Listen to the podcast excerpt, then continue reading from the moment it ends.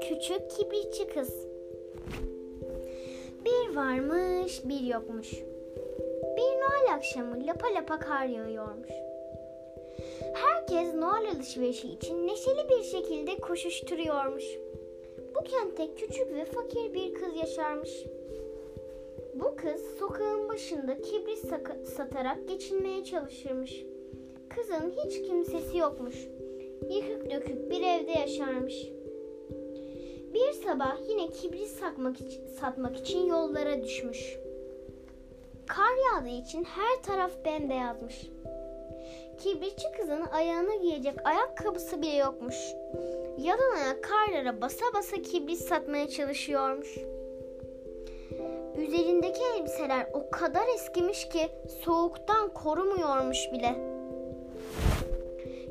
Kibritçi kız soğuktan donmamak için bir köşeye büzülmüş. Artık akşam olmak üzereymiş. Kızcağız artık kibrit satamayacağını anlamış. İnsanlar yaklaşan yılbaşı için alışveriş yapmış, acele acele evlerine dönmekteymiş.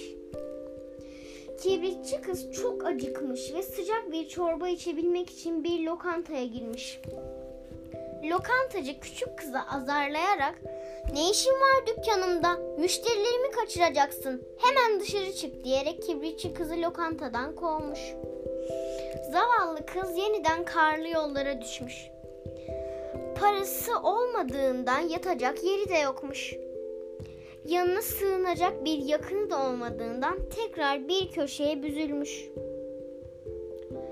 Kibritlerden birkaçını yakarak ısınmayı düşünmüş. Bir kibrit yakarak ellerini ısıtmaya çalışmış. Fakat o anda karşısında yanan bir soba beliri vermiş. Küçük kız ellerini sobaya uzatarak ısınmak istemiş.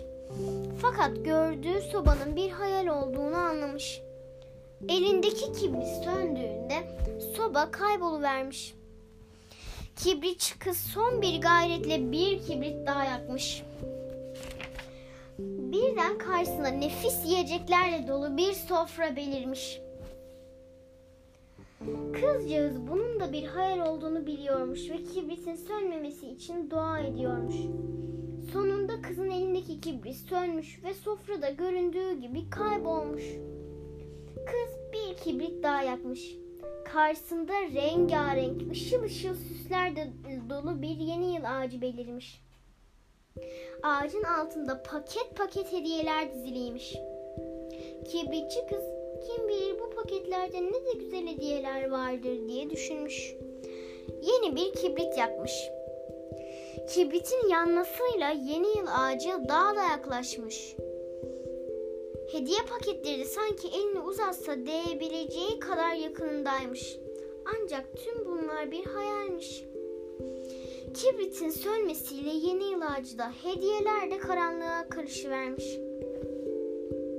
Kibritçi kız bir kibrit daha yakmış. Bu sefer karşısında yakın zaman önce kaybettiği büyük annesinin sevgi dolu yüzünü görmüş. Büyük annesinin yüzü sevgi ve iyilik dolu parlıyormuş. Kibritçi kız onu çok özlemiş. Büyük annesinin kaybolmaması için bir kibrit daha yakmış. Büyük annesi bu sefer daha da yakınına gelmiş. Küçük kibritçi kız büyük annesine Büyük anneciğim seni görmek beni çok mutlu etti. Seni o kadar çok özledim ki demiş. Büyük annesi küçük torununa ellerini uzatarak Güzel çocuğum benimle gökyüzüne gelmek ister misin? Orada çok mutluyum. Sen de yanıma gel. Diyerek sevgiyle gülümsemiş. Küçük kız da ellerini büyük annesine uzatarak gelmez olur muyum hiç büyük anneciğim? Seninle olmak istiyorum. Beni hemen yanına al demiş. Büyük annesi küçük kirbitçi kızın ellerini tutmuş ve birlikte gökyüzüne yükselmişler. Artık küçük kız ne üşüyormuş ne de karnı açmış. Sabahleyin evlerinden çıkan insanlar sokakta bir köşede donarak ölen küçük kibritçi kızın cansız yatan bedeniyle karşılaştıklarında çok üzülmüşler. Küçük kızın yanında yanmış kibritler durmaktaymış. Yüzü de mutlu bir çocuğunki gibi gülümsemekteymiş.